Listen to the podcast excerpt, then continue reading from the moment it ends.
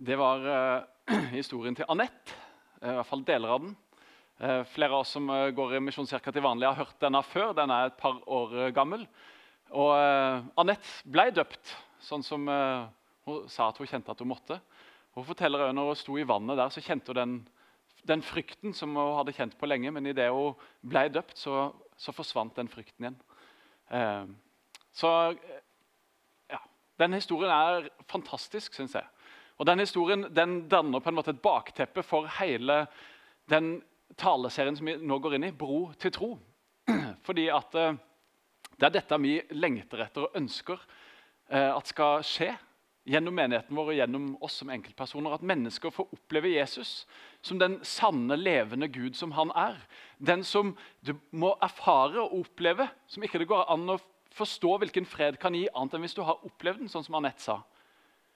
Eh, og vi tror virkelig at Gud lever, at han sendte sin sønn Jesus for å dø for vår skyld, og at han sto opp igjen.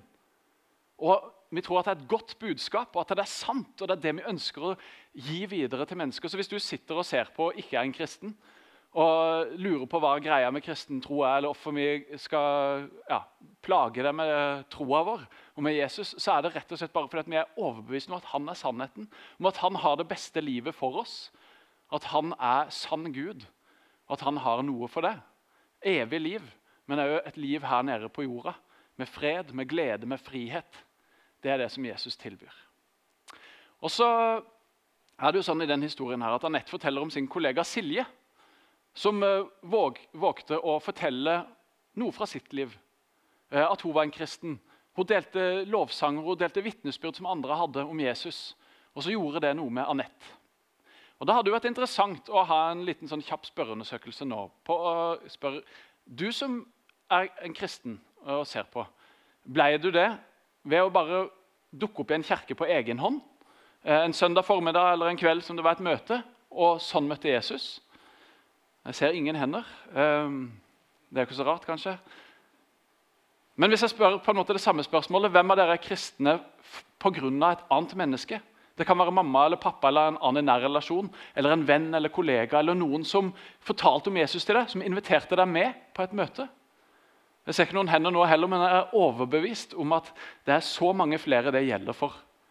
Fordi at Gjennom de 2000 åra som den kristne tro har eksistert, så er det på den måten at det har spredd seg fra en bitte liten flokk i armhulen av Romerriket til å være verdens største religion med milliardvis av mennesker som har tatt imot dette budskapet så er det gjennom at vanlige mennesker som er blitt grepet av Jesus, som har Den hellige ånd på innsida, har våga å fortelle naboen sin om det, vennene sine, familien sin, andre som de treffer på, og sagt at Jesus lever. Han har noe for det. Og så har mennesker tatt imot, begynt å tro på det og følge Jesus det er, og gitt det videre og gitt det videre. Det er sånn det har vært gjennom 2000 år. Det er sånn det fremdeles er i dag, og i enda større grad. Og jeg tror noen ganger at vi bruker veldig mye krefter og energi og tanke på at å, vi må lage gode gudstjenester og gode møter, for da kommer folket til oss. Og så tror jeg ikke at det stemmer. Vi har kjempegode gudstjenester, men det er sjelden vi ser at noen bare dukker opp her. Og i hvert fall folk som ikke er vant til å gå i menighet fra før. Kanskje noen har flytta til byen og er på jakt etter å finne seg et kristent fellesskap. fordi det er de vant til å gå i. Og da kommer de til oss. Men de som ikke er vant til det, de kommer ikke uten videre. De blir invitert med. De får høre om det på jobben. De snakker med naboen, som er en kristen. Og på den måten så brer evangeliet seg ut. Og du og vi som er kristne, vi kan være en bro til tro for mennesker, sånn som Silje var det for Anette. Og Jeg lengter så virkelig etter det i mitt eget liv. Å få lov å være en bro til tro for noen av de som er her rundt meg. Og jeg er overbevist om at Gud lengter etter det for alle mennesker. For han lengter etter alle mennesker som ikke kjenner han enda. Og jeg er overbevist om at han har gitt oss som menighet en spesiell utfordring i denne tida på å våge å være en bro til tro for noen. På å våge å dele at Jesus er en del av vårt liv. På å våge å fortelle noen at 'jeg ber for deg', eller ja, 'vil du være med i kirka'? At vi våger å ta det steget ut av komfortsona vår og gi videre det som vi har fått. Vi hadde for noen år siden eh, noe som het Menighetsskolen. og I den menighetsskolen høres tørt og kjedelig ut, men det var ikke det. Så skulle vi finne en historie fra Bibelen som kunne fortelle noe til oss som menighet akkurat der vi var nå. Og Veldig enstemmig så landa vi på en historie om Philip og Hoffmann som vi finner i Apostlenes gjerninger 8. Og Philip han ble drevet ut i ødemarken av Den hellige ånd. Og Der er det en etiopisk hoffmann som eh, sitter i vogna si er på vei hjem etter å ha vært i Jerusalem. og Han sitter og leser i Bibelen. Og Så uh, løper Philip opp til vogna. Så hører han at han leser fra Jesaja-boka. Og Så hopper Philip opp i vogna og spør forstår du det du leser. Og Det gjør ikke hoffmannen, men Philip kan fortelle hva som står der. Og Så eh, forteller han at det handler om Jesus, og at han døde og sto opp. og Så tar hoffmannen imot dette. Plutselig så er det et vann langs der som de kjører, og så blir hoffmannen døpt av Philip. Og Det er altså historien som vi opplever som menighet har blitt gitt til oss i denne tida. Og Det handler om enkeltmennesker og oss som fellesskap. At vi våger å komme tett innpå mennesker som enda ikke tror. At vi våger å bringe tro inn i samtalen. Vi våger å stille spørsmål hva tror du på. Jeg er jo en sånn kristen som liker å gå i kirka. Hvilket forhold har du til menighet? Eller jeg følger Jesus. Hva tror du på? Hvor tror du vi kommer fra? Hvor, hva tror du skjer når vi dør? Å bringe tro inn i samtalene med mennesker og se at Jesus er der. At han gir oss den kraften som vi trenger for å kunne dele og gi videre det som vi har fått. Det er fantastisk. Forrige søndag så hadde vi besøk av Viggo Clausen, som jeg sa innledningsvis i, i stad. Eh, og Han hadde en fantastisk fin dramaandakt på plattforma her. Og Der pekte han på at det budskapet som vi tror på, om at Jesus faktisk døde og faktisk sto opp igjen Et helt vanvittig, uh, utrolig budskap, egentlig. At det faktisk er sant. Og Han pekte på at det er enkelte som hevder at det er bare en myte eller det gamle eventyr. Men han pekte på at nei, det er faktisk troverdig. Det er troverdig. Bibelen er en troverdig kilde som vi kan stole på. De menneskene som har fortalt historiene de var øyenvitner til at Jesus døde på korset. De var øyenvitner til at grava var tom. De var øyenvitner som så han etter at han hadde stått opp, som fikk lov å ta på såret hans. Og som fikk oppleve at han plutselig bare var i rommet, og at han plutselig forsvant igjen. De fikk se han når han reiste til himmelen. Når han da sa ordet om at 'jeg gir videre oppdraget til dere'. Det er nemlig det han har gjort. Men det budskapet som vi har, det er gode nyheter for alle mennesker, og det er sant. Det er troverdig, og det er det som vi har å gi videre. Det er gode nyheter som gir håp, og som gir mening for mennesker. Og Rett før da Jesus eh, reiser til himmelen, så står det i eh, Matteus 28, vers 18-20, kjempekjente vers. De kalles misjonsbefalingen. Det er på en måte orda som, som, Jesus gir til sine disipler. Dette er oppdraget deres, dette er det dere skal gjøre. Og Der står det 'Jeg Altså Jesus har fått all makt i himmel og på jord. Gå derfor ut og gjør alle folkeslag til disipler idet dere døper dem i Faderens, i Sønnens og i Den hellige ånds navn, og lærer dem å holde alt det jeg har befalt dere. Og se, jeg er med dere alle dager inntil verdens ende. Og Her står det altså at det er Jesus som har fått all makt. Det er ikke du og meg, men det er han. Og fordi han har fått makten, så sier han til oss at gå derfor ut. For at den makten og den kraften som han har, den har han lagt i vårt indre. Når vi tar imot Jesus, når vi følger han, og vi sier at du er min herre og frelser, så flytter Den hellige ånd inn i oss. Og så er den samme kraften som reiste Jesus fra grava, levende i oss. Så har Jesus sagt at han er med oss alle dager inn til verdens ende. Og I Apostlenes gjerninger 1,8 så står på en måte det samme. Det er rett før Jesus reiser til himmelen, og det er Lukas sin måte å fortelle hva som skjedde på. Og Der sier Jesus rett før han reiser opp, men dere skal få kraft når Den hellige ånd kommer over dere, og dere skal være mine vitner i Jerusalem og i Judea, i Samaria og like til jordens ender. Så Det handler ikke om oss, det handler ikke om vår kraft, det handler ikke om å ta seg sjøl i nakken. Men det handler om å få kraft fra Den hellige ånd. Og Jesus sa det til disiplene sine vent i Jerusalem til dere får kraften. Og På pinsedagen, ti dager etter at Jesus reiste til himmelen, så kom Den hellige ånd og overøste dem med sin kraft. Sånn at det bobla over. De var bare nødt til å gå ut og fortelle. Og de var villige til å ofre livet sine for å fortelle om dette. her. Og Det er jo det som er med å gjøre det troverdig. De var villige til å ofre livet sine fordi de var overbevist om at dette var sant. Og Det er det budskapet som vi har å gi videre. Og igjen, Hvis du ikke er kristen, så er ikke vi her for å prakke noe på deg eller tvinge noe på deg, men vi ønsker noe for deg. Vi ønsker Jesus for deg, for vi er overbevist om at han kan gi deg fred. Han kan gi deg håp, han kan gi deg mening, han kan gi deg glede. Det er det han har gitt oss. Det er det han har gitt meg. Og Det er derfor jeg ønsker å gi det videre. Og Hvis du har noen kristne rundt deg, og du ikke er kristen sjøl, så spør. Mas. Hva er det du tror på? Hva er greia med det der? Bare push oss. Vær utfordrende med oss. Vi har godt av det. Jeg sa da i stad at eh, mennesker kommer ikke til tro ved at de bare dumper inn i kirka. Men hvordan kommer de da til tro? Jo, de kommer det via relasjoner gjennom mennesker. Og Vi har da den taleserien her som heter Bro til tro. Og Bro det er et akronym. altså BRO står for noe. B det står for bønn. R det står for relasjoner, og O det står for ord. Og Vi tror at det kan være en god måte å hjelpe oss på å lede mennesker til Jesus og komme inn i trossamtaler. Nemlig ved å be for mennesker som vi har rundt oss. Det er det jeg skal snakke mest om i dag. Så er det relasjoner. Hvilke mennesker er det vi har rundt oss? Hvem er det vi jobber med? Hvem er det vi bor sammen med? Hvem er det vi er i nabolaget til? Hvilke venner er det vi har? Hvilken omgangskrets osv.? Hvilke relasjoner er det vi har rundt oss? Det skal hovedpastoren vår Knut snakke mer om neste eh, søndag. Og så er det til slutt ord. Hvordan kan vi gi ord om Jesus og bringe tro inn i samtalen med de relasjonene vi har, med de menneskene som vi ber for? Og Vi tror at eh, det å ha dette fokuset med å be for de relasjonene vi har, og gi ord, det gjør noe med bevisstheten vår rundt at vi er sendt. Jesus har sendt oss ut. Han har sagt 'gå'. Jeg er med dere. Del de gode nyhetene om meg. At vi er sendt på samme måte som de disiplene hans var den første tida. På samme måte som mennesker gjennom 2000 år har gjort det. På samme måte som de som ga troa videre til det, var sendt. Så er vi sendt til de som vi har rundt oss. Og Dette er som jeg sa innledningsvis, stjålet fra Salt Bergenskirken. dette er Bro til tro. De har også skrevet ei bok om dette.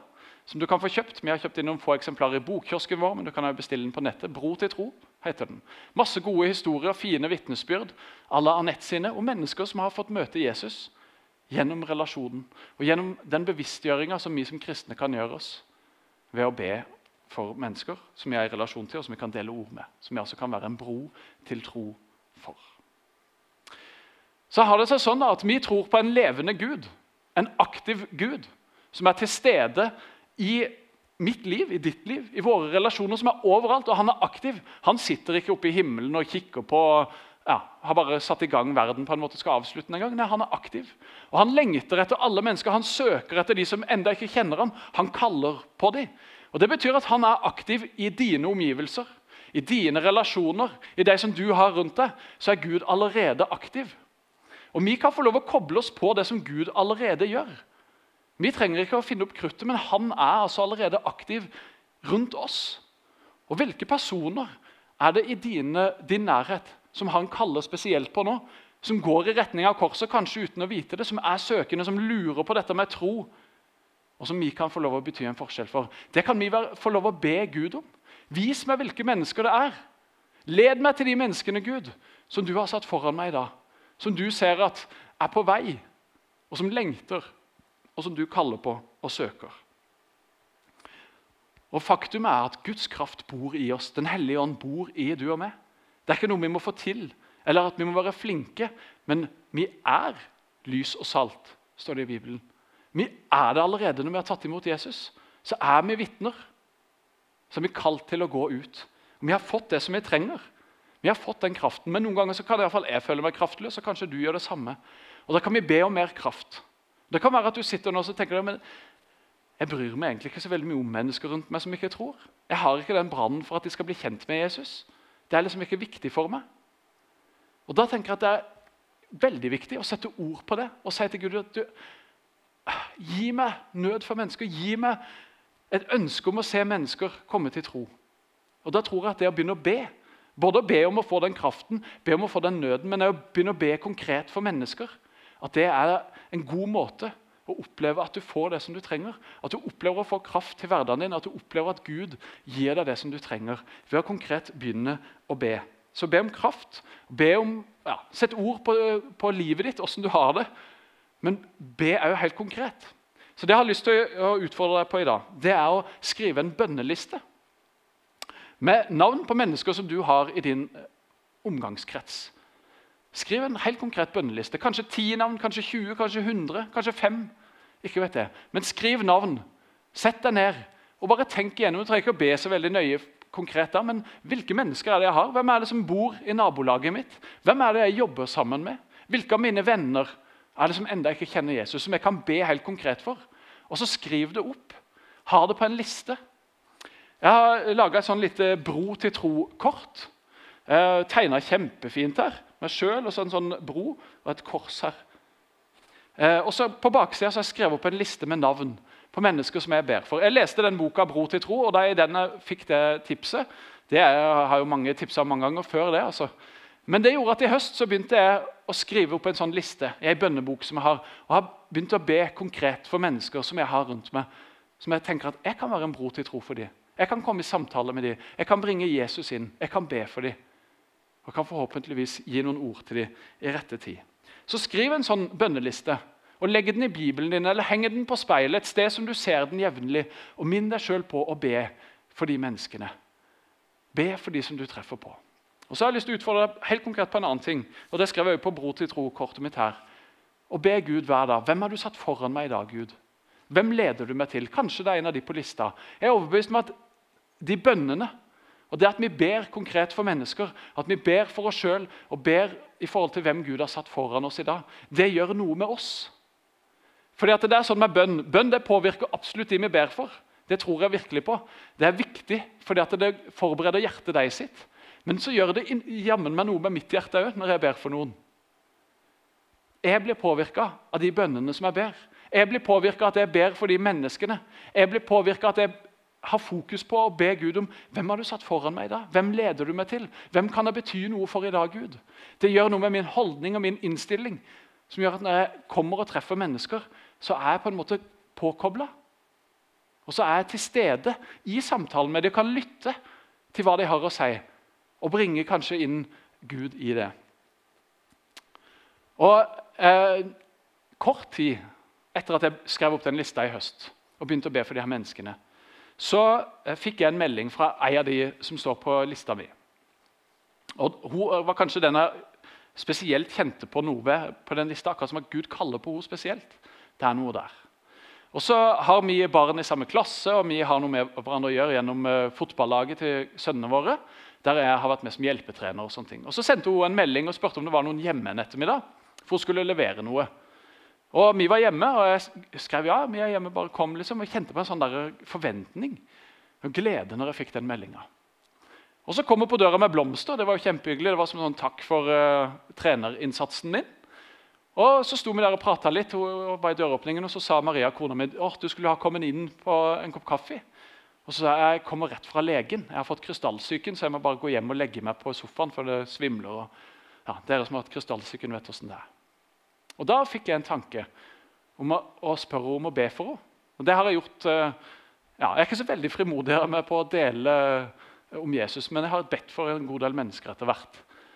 Og Så spør jeg kan jeg få lov å be for deg. Ja, det fikk jeg lov til. Og Så legger jeg handa på skuldra hos, og så ber jeg en enkel bønn om at Gud skal helbrede henne og velsigne henne. Og så Når jeg er ferdig med å be, så sier hun det ble varmt. Maria, du må kjenne. Og Maria måtte kjenne på skuldra hos, for hun var så varm. Og Så kjørte hun hjem. Sendte en melding til meg. 'Tusen takk, Odd. Og så hørte jeg ikke noe mer.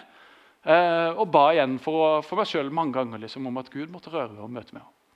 Og Ca. tre uker etterpå så sender hun en melding til meg om noe, sikkert noe med fotball å gjøre. eller sånt. Og så skriver du forresten Jeg har helt glemt å si det, men morgenen etter at, du, at jeg var hos dere sist, så fikk jeg helt sjokk. For da var jeg helt god. Krystallsyka var vekke. Hun var blitt helt frisk. Så Gud hadde rørt ved henne. Og eh, Jeg har ikke fått prata ordentlig godt med henne etter det. Eh, om hvordan det opplevdes og hva hun tenker om det. og sånne ting. Men vi har en naturlig relasjon, en god relasjon. Vi tuller og ler og prater om alt mulig rart. Eh, og Hun er en av de som står på min bønneliste, og som jeg virkelig lengter etter at skal få oppleve Jesus. Ikke fordi at ja, jeg får noe pluss i boka eller stjerne i margen. eller ja, der var jeg flink gutt og fikk det til. Nei, fordi at jeg virkelig ønsker at hun skal få oppleve Jesus. fordi at jeg tror jo at han lever. At han har det beste for hun òg. At han elsker henne og ser henne. At det var derfor han rørte ved henne og gjorde henne frisk. Og Det gjør livet utrolig spennende å leve med Jesus når en er sånn tett på mennesker. og Når en får lov å oppleve det, Selvfølgelig oppleve å, be for noen som blir friske, det er fantastisk, men oppleve å ha de samtalene. Og Jeg er så heldig å få lov å gå i cellegruppe med en som heter Tore. som mange av dere kjenner, Tore Larsen. En mann midt i 60-åra som har vært kristen hele sitt liv, men som har fått en fantastisk fornyelse de siste åra. Og som kjenner på denne brannen og lengselen etter mennesker som han har i sin nærhet. Mennesker som han ber for, som han snakker med tro om, som han deler bøker ut til. Som handler om tro, som han gir videre Jesus til. Og Han sier det så tydelig. Det er så spennende å leve med Jesus når det er sånn. Han har kanskje hatt et litt sånn tørt kristent liv i mange år, men har fått en sånn fornyelse fordi han har opplevd hva det gjør. Når ikke troa bare handler om meg og hva jeg skal få, og at det skal være godt for meg, og at jeg skal vokse i tro.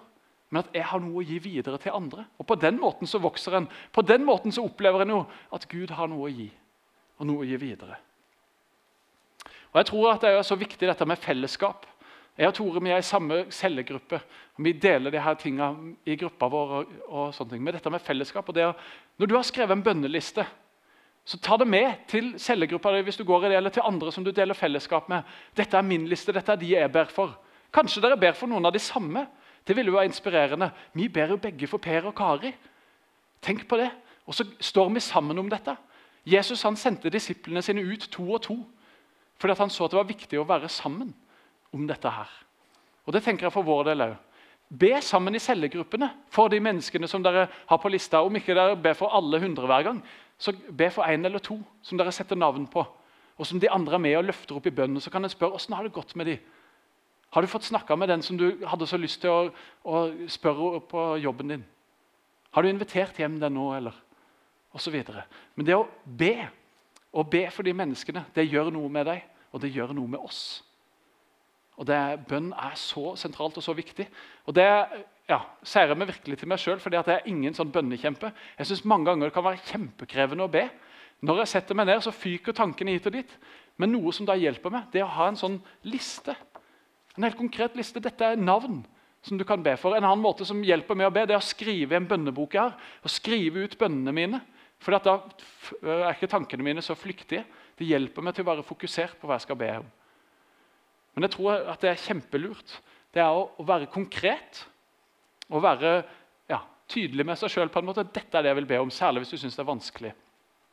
Men det er jo bare i løpet av dagen å gå ja, nå ble jeg minnet om den og den personen. Jesus, du ser dem, du kjenner dem. Kunne be gjennom dagen. Men det å ha fokus på å be, det gjør noe med oss, og det gjør noe med de vi ber for. Det gjør noe med at, at den kraften som vi har på innsida, den blir på en måte aktivisert på et vis. Og vi blir fokusert på at Oi, tenk, jeg bærer Jesus med meg. Og han kan berøre de menneskene som er rundt meg. Det er ikke fordi at jeg sier de rette tingene eller er så innmari god. Nei, det er fordi at han er levende. Han er til stede, og han er reell. Og så kan han røre ved dem. Så kan hans kraft, hans fred, hans glede komme og røre ved de menneskene. Og Ofte så er det en lang prosess, tror jeg. Det tar lang tid mange ganger. Mennesker i vår tid er eh, kjempereflektert, har opplevd masse ting som gjør at det ja, nødvendigvis ikke pang, så tar en imot. Og Vi må våge å være eh, utholdende òg i bønnen vår. At ja, ja, nå har jeg bedt for det en gang. Da var det gjort. liksom. Nei, at vi ber igjen og igjen. Be stadig, sier Jesus. Vi har fått det kallet om å gå ut, om å be, om å gi videre. Og Jeg har så stor tro på at dette er veien å gå for vår menighet og for alle kristne. At vi har knallgode gudstjenester. Jeg synes Det er en fryd å være på gudstjeneste hos oss. Jeg er så overbevist om at mennesker som ikke er kristne, ville synes det var kjempegodt å være på gudstjeneste hos oss. Og det vet jeg, for det har jo vært det. Og ville si at åh, her var det godt å være. Det er så herlig å lovsynge og høre på den sangen. Jeg blir fredfull og rolig inni meg. Ja, det er Jesus. Han er til stede. Men de kommer ikke av seg sjøl. De kommer fordi at vi inviterer, og når vi ikke kan invitere fysisk, så kan vi dele. Du som sitter og ser på denne gudstjenesten nå, du kan trykke på 'del' på Facebooken din. og Så deler du til alle dine venner. så er det på en måte en invitasjon om at mennesker kan få lov å komme inn og se og legge merke til og lytte. Men jeg tror at det viktigste det er at du og meg blir bevisst at det er vi som bærer på vekkelsen. At det viktige er at vi tar med oss det livet som vi har fått oppleve, med ut i hverdagen. Og bringer Jesus til de menneskene som vi har rundt oss. Du og vi. Vi er kalt til å gå ut, først og fremst, ikke til å si 'kom inn'. Vi har en visjon i menigheten som heter 'Tett på Jesus, hverandre og Grimstad'. Det tror jeg er så viktig. At vi lever tett på Jesus, for det er han som har kraften. Det er han som har alt som vi trenger. Og Når vi lever tett på Jesus, så gjør det noe med oss. Jeg tror også på det å leve tett på hverandre. At ikke vi står alene, men at vi har noen som vi går sammen med. Det gir oss større frimodighet til å våge. Og det å da leve tett på Grimstad, de menneskene vi har rundt oss, til å tørre å bringe Jesus inn i samtalen der. Helt avslutningsvis nå så skal du få opp den, det som er ukas utfordring. Nemlig om å lage deg en bønneliste. Et sånn bro til tro-kort, hvis du vil kalle det Men Skriv en bønneliste på mennesker som du har i ditt liv, relasjoner som du har, til mennesker som enda ikke tror. Og Skriv de ned, og begynn å be for dem. Og be òg den bønnen for ditt eget liv. Gud, hvem har du satt foran meg da? Gi meg kraft til å være et vitne for det. Gi meg det som jeg trenger. Så lag deg en bønneliste, og still deg spørsmålet hvem har du satt foran deg da. Og tenk om vi kunne få lov å se igjen og igjen og igjen og få høre sånne historier sånn som Anette sin. Om mennesker som var borte fra Gud, men som lengta og som søkte i det alternativet eller hva som helst. Men som fikk oppleve at det er Jesus som er sannheten, veien og livet. Den eneste levende Gud. Og fikk lov å oppleve det gjennom du og meg. Det er en så stor lengsel og brann jeg har. Jeg håper at du òg har det samme. At vi sammen ber om og får det som Gud uh, har. For han har alt som vi trenger. Og Han har lagt det i oss ved at vi får frimodighet til å gå ut og til å gi det videre. Og Da begynner mye i bønn, tror jeg. Nå skal jeg be for oss helt til slutt. Gode Gud, jeg har lyst til å takke deg for det at du er en god Gud. Jeg har lyst til å takke deg Jesus, for at du er veien og sannheten og livet. Jeg har lyst til å takke deg, Hellige Ånd, for at du har kommet og gitt oss kraft. At du bor i vårt hjerte. At du har alt det som ikke vi har i oss sjøl, men du har alt det som vi trenger.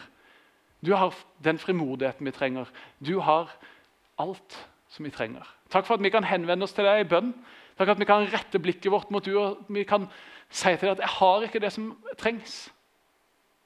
Men så vil du gi det til oss. Kom, Hellige Ånd, og overøs oss nå. Kom og rør ved mennesker der som de sitter. Og kom og rør ved oss og gi oss det som vi trenger. Fyll oss opp, sånn at det bobler over. Sånn at vi ikke kan la være å be for mennesker. At vi ikke kan la være å gi videre det som du har gitt oss. Herre Jesus Kristus, kom du og rør ved oss. I Jesu navn. Amen.